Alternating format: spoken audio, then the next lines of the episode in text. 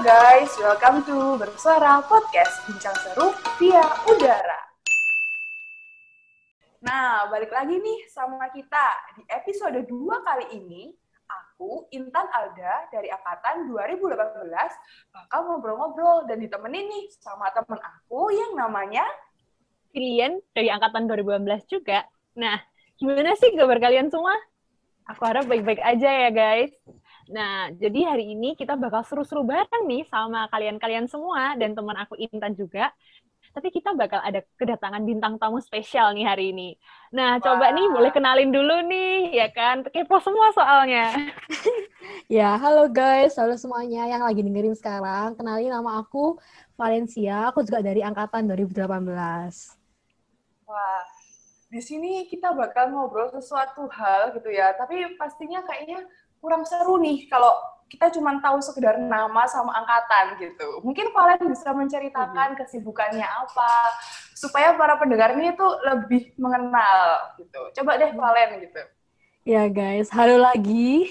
Jadi uh, kesibukanku ya aku sebagai mahasiswa uh, kedokteran ya belajar tentunya ya seperti teman-teman yang lain mengikuti kuliah online di rumah dan uh, lumayan sibuk jadwalnya dari pagi jam 7 selesai tuh bisa sampai jam 2, jam 4. Terus selain kuliah kayak teman-teman yang lain juga, uh, aku ada beberapa pelayanan uh, di uh, di kampus, pelayanan uh, persekutuan doa di kampus, terus aku juga ada pelayanan di gereja juga.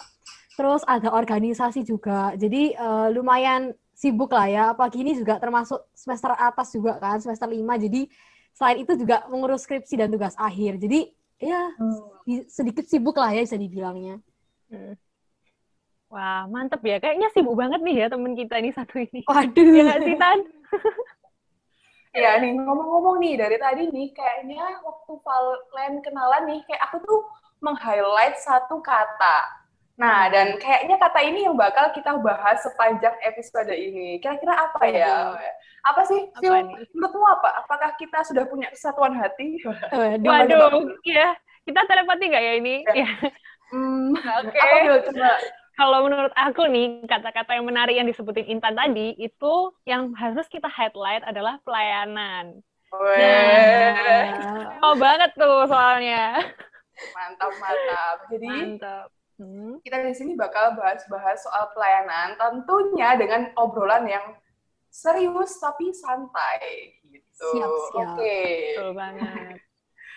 Oke nih, mungkin dari Valen bisa diceritain nggak kayak dulu nih uh, pelay awal mulanya pelayanan tuh umur berapa, terus sebagai apa gitu. Hmm, oke okay, oke. Okay. Nah, sebelum aku um, bahas tentang aku melayani, jadi uh, sebelumnya aku mau cerita dulu ya. Aku tuh dilahirkan dari uh, latar belakang keluarga Kristen, teman-teman semua ya. Jadi para pendengar supaya tahu juga ya. Jadi aku dari kecil itu termasuk orang yang taat ke gereja setiap hari minggunya lah pokoknya.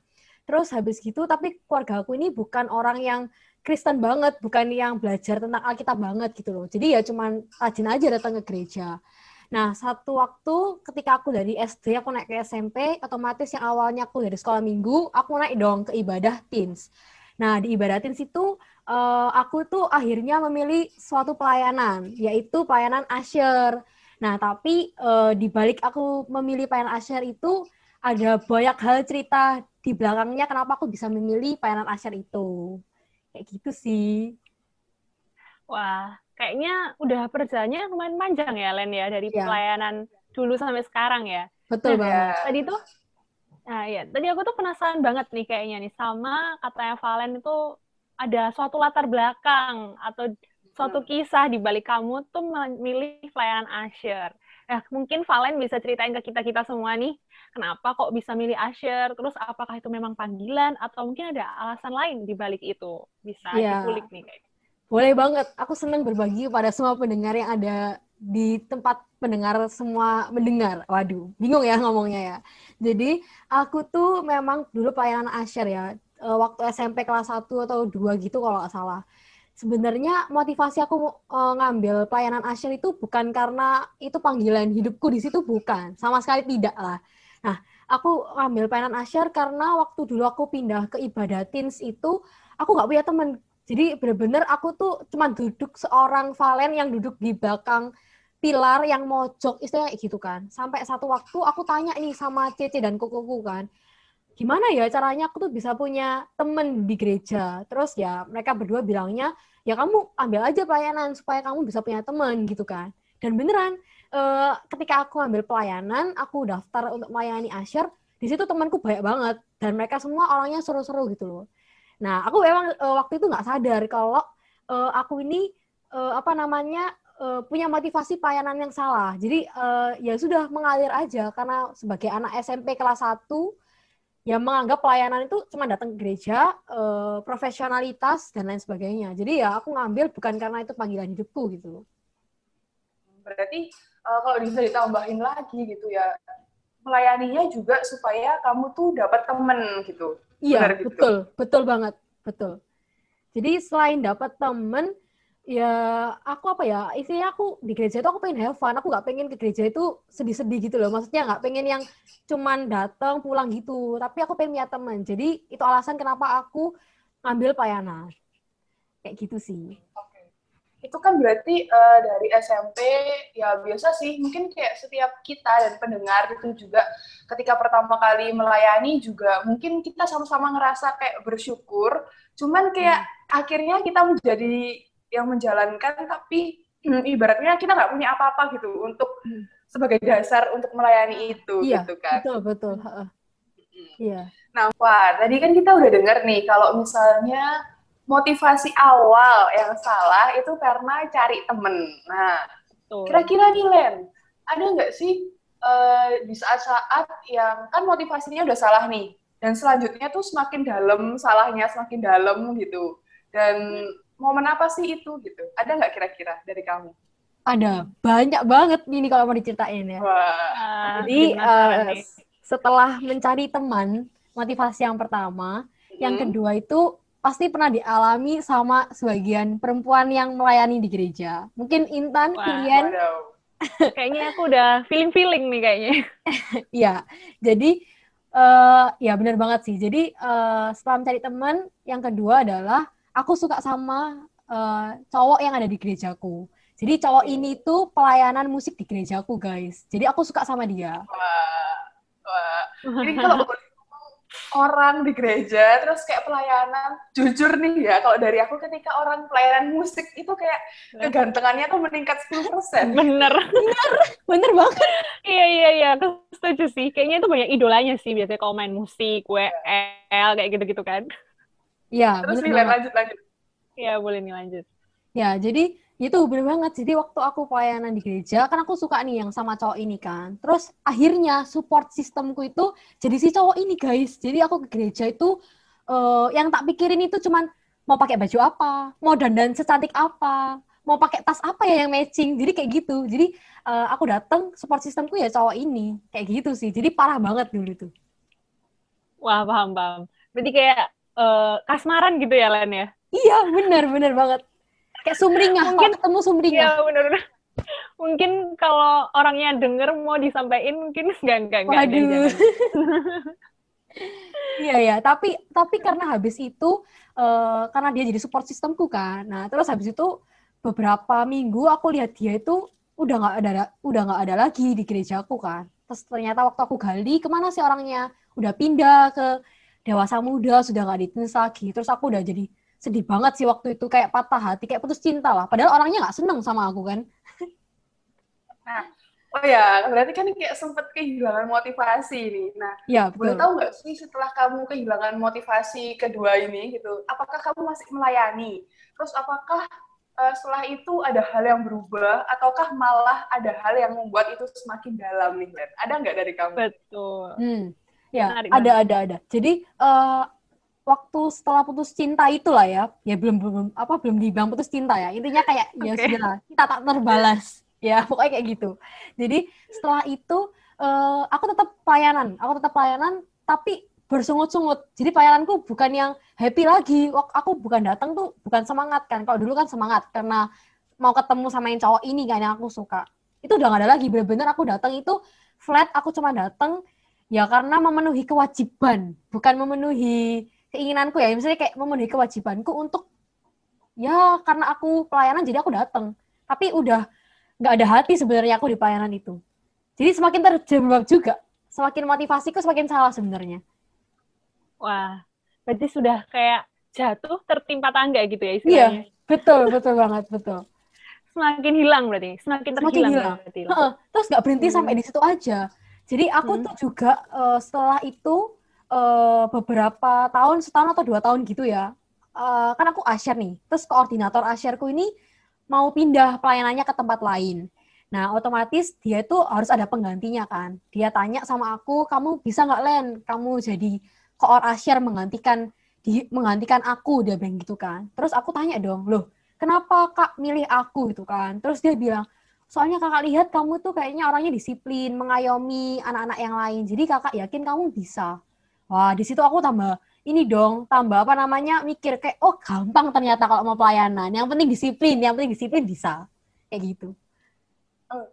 Nih, berarti nih ya, kalau aku boleh sedikit simpulin, berarti dengan motivasi awal yang salah, terus kayak eh, berakhir, maksudnya kayak semakin dalam, dan itu sebenarnya kayak eh, ada sebuah masalah nggak sih yang sebenarnya ternyata kamu tuh juga belum selesaikan itu, kamu masih melanjutkan pelayanan, dan ternyata motivasinya juga salah, dan mungkin itu juga yang dipakai buat iblis gitu ya, buat semakin kayak membakar, oh ya kamu emang hebat, kamu emang hebat, gitu, Nah, bener Iya, nggak sih? betul, betul banget, betul banget. Hmm.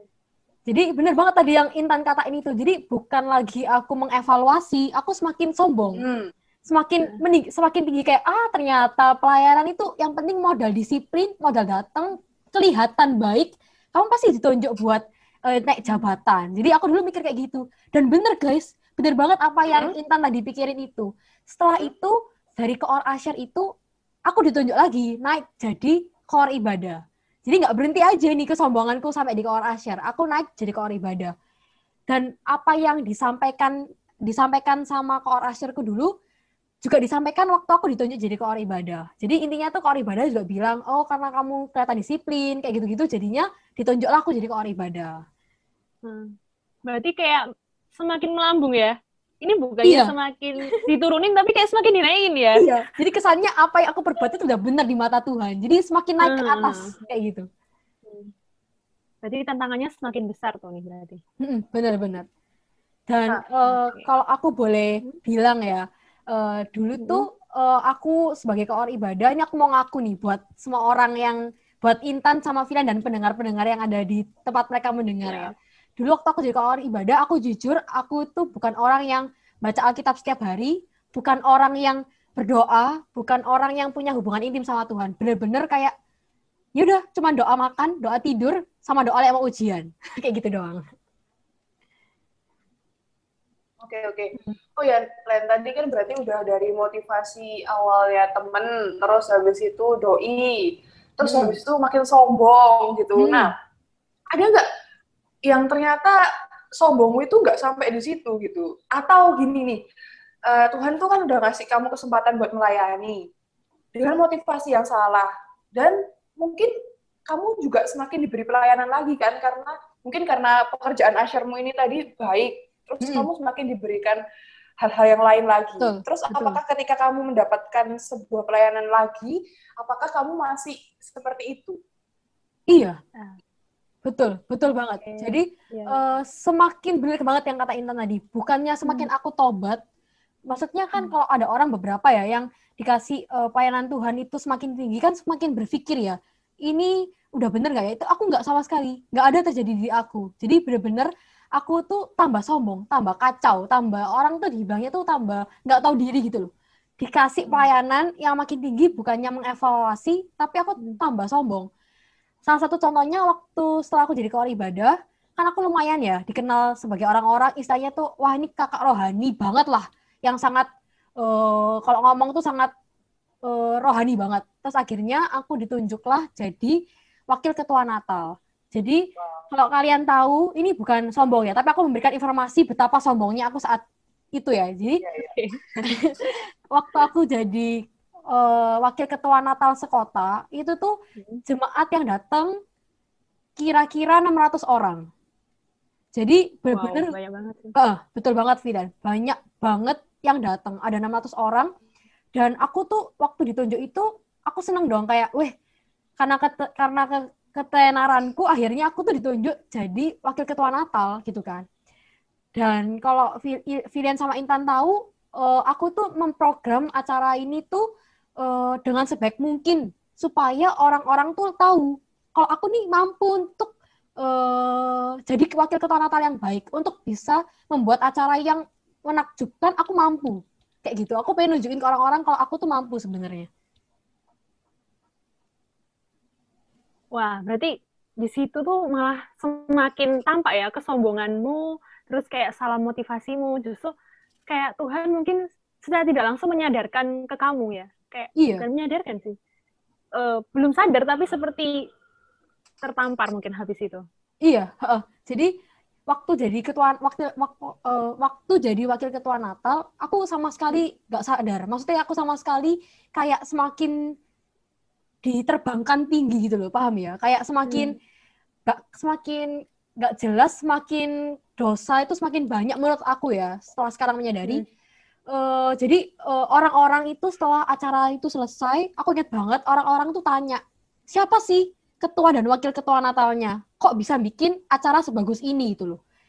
Dan orang-orang di saat itu langsung kenal gitu loh kayak oh yang bikin tuh si ini sama si Valen dan Valen tuh jadi wakil ketua Natal gitu kan. Terus orang-orang itu memuji aku kayak wah Valen keren banget ya bisa membuat acara kayak gini bisa mengonsep acara sebagus ini gitu. Idenya dari mana? Dan ini aku juga mau jujur ya ke teman-teman semua. Di sini aku tuh justru bilang ke mereka kayak gini. Oh enggak kok, ini bukan karena aku yang hebat, ini tuh semua karena Tuhan. Padahal itu cuma di mulut, di hatiku sama sekali nggak bilang kayak gitu. Oke oke, boleh boleh. Sebenarnya gini sih, uh, mungkin ketika kita melayani ya, mungkin ada beberapa orang yang melayani dan mereka mereka merasa insecure gitu, kak kayak aku tuh nggak punya apa-apa gitu. Dan mungkin itu akan berakhir mereka menjadi orang yang rendah hati gitu. Mm. Tapi ada juga ketika orang itu mendapatkan sebuah pujian, bukannya mm. malah uh, sadar kalau ini tuh dari Tuhan gitu. Banyak mm. yang lebih baik tapi Tuhan milik kita. Tapi ternyata ada nih gitu. Valen yang dulu itu juga yang uh, semakin besar hati gitu Nah, Nilen gitu kan tadi kamu udah bilang aku tuh dulu tuh melayani kayak gini gitu. Uh, terus apa berarti kan kamu di kepala tuh sebenarnya punya konsep nih melayani yang benar itu seperti apa gitu. Menurutmu hmm. melayani yang benar itu kayak gimana sih? Terus kayak apa sih yang harus dipunyain oleh seorang pelayan gitu menurut kamu? Hmm, kalau menurut aku ya, yang pertama itu uh, ini setelah aku sadar ya berarti ya. Setelah aku apa namanya udah nggak melakukan hal itu ya. Jadi uh, setelah aku disadarkan sama Tuhan, ya aku jadi tahu gitu loh bahwa pelayan yang benar itu adalah seseorang yang mau rendah hati, bukan seseorang yang uh, merasa diri paling baik, bukan seseorang yang merasa kalau kamu melayani berarti kamu ini orang yang mampu. Nah, itu kalau kayak gitu otomatis jadinya kayak aku. Semakin tinggi jabatan, semakin besar kepala gitu loh. Semakin merasa kayak oh ya memang aku mampu gitu loh. Makanya aku ditunjuk gitu loh. Nah, justru pelayan Tuhan yang baik adalah ketika kamu ditunjuk berarti kamu semakin rendah hati bahwa Tuhan ini mempercayakan kamu sebuah kelebihan, mempercayakan kamu sebuah tanggung jawab yang semakin besar gitu loh. Di mana tanggung jawab dalam pelayananmu itu meliputi jiwa-jiwa, meliputi uh, apa namanya pelayan Tuhan yang lain, meliputi semua hal yang ada di dalamnya. Jadi yang harus dipunyai sebagai seorang pelayan Tuhan yang paling harus dipunyai adalah kerendahan hati itu sih. Karena kalau orang nggak punya kerendahan hati, akan menutup telinganya gitu loh. Nggak akan ada saran yang bisa masuk gitu. Jadi yang pertama dimiliki adalah kerendahan hati itu sih. Nah, ya aku setuju banget ya sama Valen ya. Bahkan aku tuh pernah nih lihat di Instagram itu ada caption ya dari salah satu pendeta gitu. Gimana kalau misalnya sekarang tuh banyak orang kalau misalnya melayani, mereka tuh merasa rendah diri, insecure. Ya kalau nggak layak, memang kita nggak layak gitu ya. Tapi ketika kita oh bener-bener kayak rendah diri, merasa kayak apa ya, jadi kurang gitu ya. Terus itu itu ternyata salah satu bentuk yang salah juga karena kita melakukan kuasa Roh Kudus yang bekerja dalam diri kita gitu. Dan itu juga satu salah satu bentuk lain dari kesombongan. Nah, bentuk lain dari kesombongan yang lain yang seperti Valen alami ya, mungkin yang lebih sering kita alami juga. Kita merasa mampu, kita merasa bisa, kita merasa oh iya ini kita mampu nih jalan sendiri itu tanpa Tuhan gitu ya. Dan ternyata itu salah karena kita juga mengen, um, mengentengkan kuasa Tuhan ya, tapi malah membesar-besarkan kuasa kita sendiri gitu. Terus, hmm. Iya ya, benar-benar tadi aku setuju banget yang Filian bilang ya.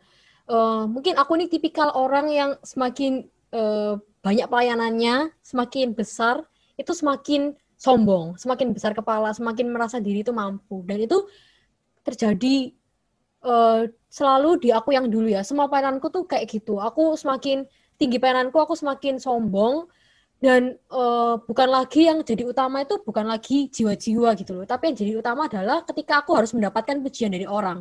Jadi kalau aku gak dapat pujian dari orang aku kesel. Aku ngerasa kayak lo aku ini udah ngelakuin semaksimal mungkin loh. Kok aku gak dapat pujian dari orang? Jadi kesombonganku itu uh, aku maksudnya gini aku melakukan pelayanan itu bukan untuk memuliakan nama Tuhan bukan untuk memenangkan jiwa bukan untuk melakukan kehendak Tuhan tapi aku aku melakukan sebaik mungkin itu untuk hawa nafsuku sendiri, untuk kemuliaan namaku sendiri. Semakin aku dibaik dipuji orang, aku semakin senang. Jadi itu benar-benar yang aku mau tekanin ya. Ketika aku pengen yang dulu itu, aku sama sekali bukanlah orang yang memuliakan nama Tuhan, tapi memuliakan namaku sendiri. Kayak gitu sih. Mungkin uh, ini ya, kalau bisa dari cerita Valen tadi, sebenarnya kamu ngerasa nggak sih Len waktu itu kayak ditegur Tuhan gitu? Atau kamu enjoy aja gitu, semakin ditinggikan, semakin ditinggikan gitu. Apakah sebenarnya kamu mendengar kalau kamu itu salah? Ya, uh, Intan tanya gini, aku jadi teringat satu peristiwa ya. Jadi uh, kan kalau boleh dibilang momenku ini pertama aku jadi asyar, terus jadi koor asyar, terus koor ibadah baru wak wakil ketua Natal. Nah, waktu aku jadi koor ibadah, aku ditunjuk itu sebenarnya ada satu beban yang tiba-tiba itu datang di kepala aku gitu loh. Uh, aku uh, jadi ada satu pertanyaan yang tiba-tiba muncul. Bukankah sebagai seorang koor ibadah, sebagai uh, penilik jemaat ya, kalau di Alkitab kan kalau saya bilangnya penilik jemaat. Bukankah sebagai seorang ketua ibadah itu seharusnya adalah seseorang yang sudah memiliki hubungan yang baik dengan Tuhan, bukanlah seseorang yang baru atau seseorang amatiran tuh bukan kayak gitu gitu loh. Tiba-tiba pertanyaan itu muncul di aku kan. Terus aku uh, ngelihat sama diriku sendiri. Aku ini bukan orang yang punya pendalaman Alkitab yang baik. Aku bukan orang yang uh, apa namanya berdoa dengan sungguh-sungguh, bukanlah orang yang dekat sama Tuhan, bukanlah seseorang yang punya hubungan yang intim dengan Tuhan gitu kan. Aku ditegur sama itu. Tapi ketika aku mendapat teguran kayak gitu yang muncul dalam kepalaku nih, aku menolak hal itu gitu loh. Uh, ya mungkin aku menolak karena kesombonganku saat itu tuh tarafnya udah gila-gilaan lah, ya sudah tinggi banget gitu loh. Jadi aku tetap mengambil jabatan sebagai koor ibadah tanpa tahu konsekuensinya. Dan mungkin ini yang aku mau ceritain adalah ketika aku jadi koor ibadah, ada satu anak gerejaku yang datang ke aku, dia tanya satu perikop di Alkitab, ini Alkitab ngomong apa sih, C? Tanya gitu ya ke aku ya. Terus aku kaget kon, kayak, waduh, mateng kon. Ini ditanyain perikop Alkitab di mana aku salah orang yang nggak pernah baca Alkitab gitu loh. Yang yang baca di hari Minggu aja ketika pendeta khotbah itu aku baru baca gitu loh. Aku bingung kan kayak waduh apa ya? Terus coba tak baca di Alkitabnya gak ngerti. Bener-bener kayak ini Alkitab ngomong apa sih? Bukan suatu hal yang mudah dibaca secara implisit eh eksplisit lah ya. Harus dicari terlebih dahulu maknanya apa. Akhirnya aku ngomong itu ngawur. Jadi ngomong itu apa yang ada di kepalaku pokoknya yang kelihatan baik-baik aja tak omongin ke dia tak artiin Padahal itu adalah pengertian yang salah gitu loh.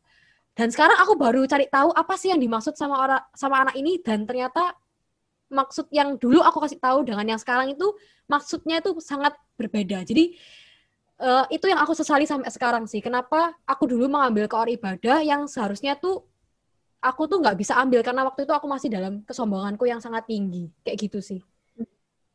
Wah, iya, benar banget ya. Aku belajar banyak banget dari prosesnya Valen, tapi jujur nggak kebetulan juga ya, Tuhan percayain kamu pelayanan yang begitu besar itu juga suatu bentuk proses Tuhan ya untuk menyadarkan kamu gitu, kelemahanmu mungkin dan lain sebagainya gitu ya.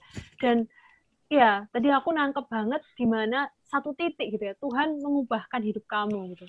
Nah, kalau boleh cerita nih, tadi kamu bahas tentang hubungan pribadi dan lain sebagainya. Mungkin kamu bisa jelasin lebih detail lagi nih apa sih ya apa siapa dan kenapa atau kapan kamu berubah dan menyadari hal itu hmm. secara ya. lebih detail dan lebih dalam mungkin dan gimana juga mungkin prosesnya kayak uh, setelah ditegur, apakah yang kamu rasakan itu oke, okay, oke okay, Tuhan, aku paham, ataukah semakin kayak, hmm, emang aku ya yang salah gitu? Mungkin bisa diceritain, lah. Iya, ya. Ini pertanyaan yang iya nih. Nah. pertanyaan yang sangat menarik ya. Jadi benar banget. Jadi uh, terakhir pelayananku kan wakil ketua Natal ya, terakhir tadi acaranya ya. Terus itu aku kelas 3 SMA, aku masuk ke S uh, masuk ke kuliah ya. Ngambil di kedokteran, uh, bertemulah aku pada sebuah persekutuan doa di uh, kampusku ya dan aku bertemu dengan Intan, bertemu dengan Vilian ya kan, dengan teman-teman satu pelayanan yang lain, satu komunitas lah ya waktu itu kan belum melayani. Terus hmm. habis gitu uh, di komunitas itu uh, aku mulai bingung ya. Setiap kali aku dapat ajaran firman, maksudnya setiap kali ada yang namanya ibadah itu aku mikir kayak kok aku dapatnya itu ibadah di sini tuh kok keras ya ajarannya. Kok sama ini aku nggak pernah dapat yang kayak gitu gitu loh. Dan ketika ada beberapa uh, ibadah atau khotbah yang apa namanya yang mulai mengajar aku itu aku ngerasa kayak uh, apa namanya tidak sesuai sama hatiku gitu loh paham nggak ya kayak tidak sesuai sama yang aku dapat dulu dulu dan ini merupakan hal baru buat aku gitu loh jadi benar-benar sangat bertentangan kayak, kayak hmm. uh, kamu di dunia baru di di FK kan gitu habis itu kamu rasa kayak ada sesuatu hal yang membuat kamu keluar dari zona nyaman gitu, bener gak? Iya, betul betul banget. Jadi hmm. selama ini yang aku dapetin di gereja itu uh, jauh berbeda sama yang aku dapetin di perkuliahan gitu. Dan itu bukan bukanlah hal yang mudah ya, bukan yang aku akhirnya cuma terima-terima aja. Jadi kan Intan juga tanya ya, apakah aku dengan gampang menerima atau tidak gitu loh. Dan jawabannya tuh enggak.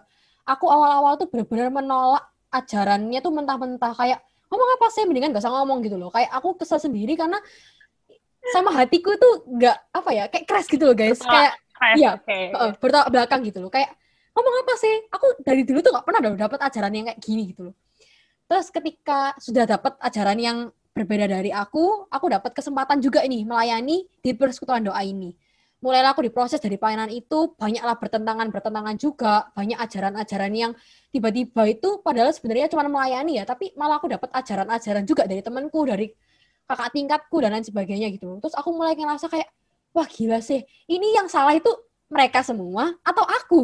Mulailah terjadi perdebatan dalam diriku sendiri gitu loh.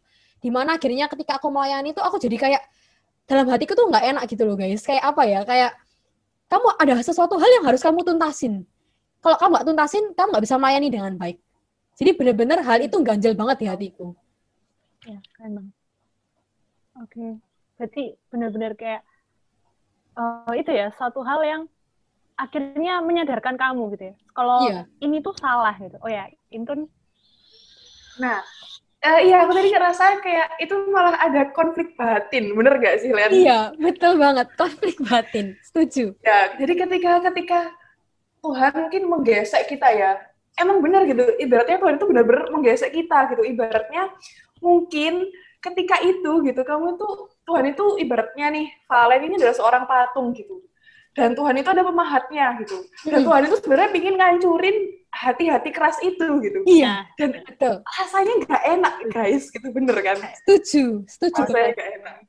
Setuju banget. Jadi hmm. apa yang tadi Intan bilang itu yang katanya ada konflik batin lah yang di asa itu benar-benar terjadi di aku semua. Aku pulang dari setiap kali aku pulang ibadah dari persekutuan itu aku langsung ngerasa kayak jadi banyak pertanyaan gitu loh. Yang diomongin tuh bener gak sih? Terus ketika aku datang melayani sama temanku latihan terus otomatis kan ya mungkin di antara kalian juga lah ya. Maksudnya yang waktu melayani itu ada ngomong-ngomongnya yeah. ada kayak cerita-cerita sharing-sharing. Terus aku ngerasa kayak ini orang ngomong apa sih? Kok kok terlalu rohani? gitu loh. Nah terus jadi timbul lah di aku gitu loh. Ini yang salah tuh aku atau mereka? gitu loh. Dan itu bener-bener ada kali ya enam bulanan aku tuh sama sekali kayak capek gitu loh. Kerasa gak sih kayak hmm. karena ada konflik batin di dalam hatiku tuh aku jadi capek. Lama-lama aku mikir, gak usah datang lah ya ke persekutuan ini daripada uh, daripada aku kayak gini terus, daripada aku sakit terus, mendingan gak usah datang gitu loh. Kayak gitu sih.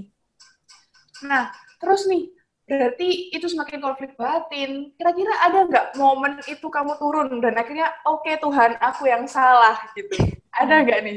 Ada. Karya Tuhan ya. Karya Tuhan ada. gimana sih? Aku penasaran banget. Iya, ada banget.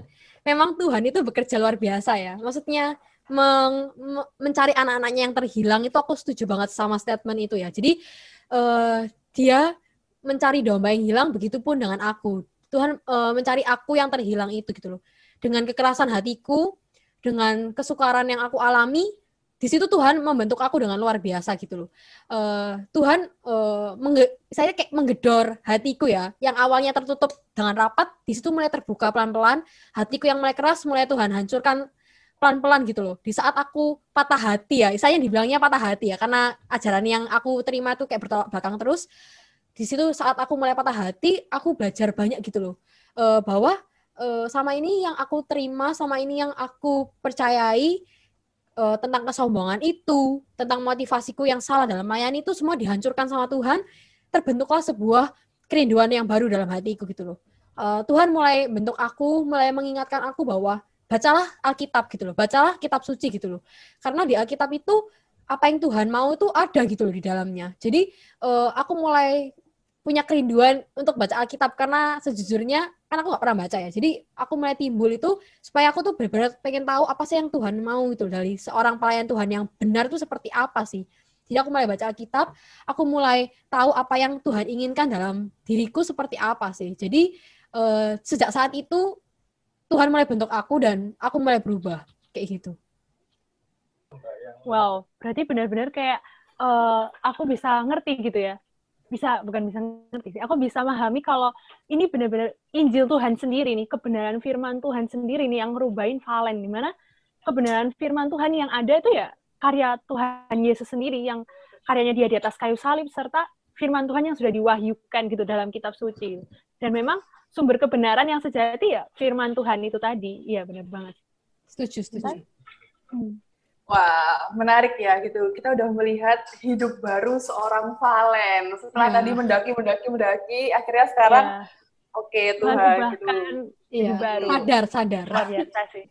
Luar nah biasa. nih, Len, kamu kan dengan orang nih, dengan pandangan baru, dengan menerima Tuhan, dengan di recharge lah istilahnya gitu. Mm -hmm. Kan kamu juga masih nih melayani di gereja, di persekutuan uh, fakultas juga gitu. Kira-kira ketika kamu jadi orang yang baru, dan mungkin yeah. kamu juga sedikit banyak men-sharingkan hal yang kamu dapat ini kan pasti ke teman-temanmu, teman pelayanan. Nah, kira-kira apakah mereka itu menerima pandanganmu ataukah hmm. mereka juga sebenarnya ya nggak merasa salah gitu terkait pelayanan ini ya gitu. Hmm.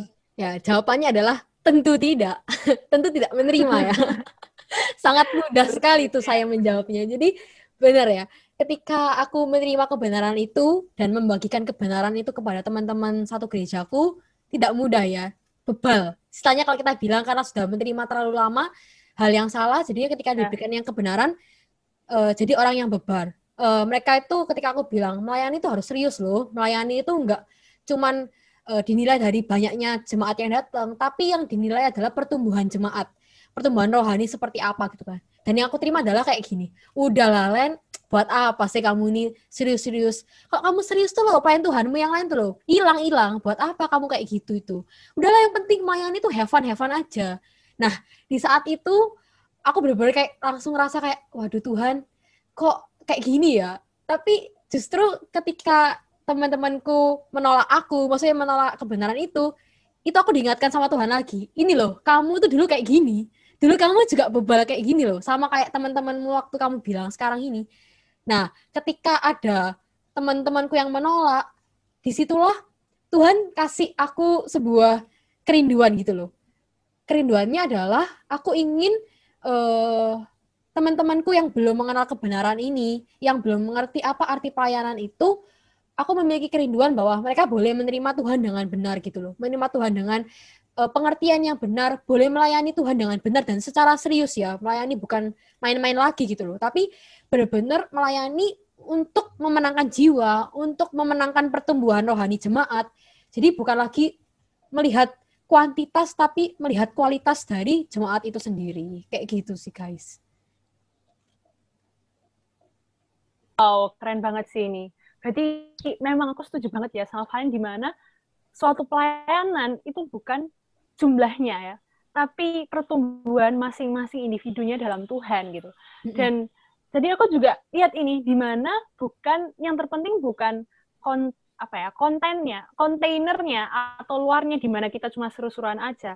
Mungkin kontainer tuh penting ya, luarnya penting supaya apa ya kita ya manusia dikasih akal budi kita pun ya harus mengusahakan mempersiapkan sebaik mungkin mungkin ya pelayanan dan ibadah yang dipercayakan ke kita gitu. Tapi jangan lupa konteksnya itu sendiri yaitu yang ada di dalamnya itu apakah sudah mendidik kita dalam kebenaran firman Tuhan gitu.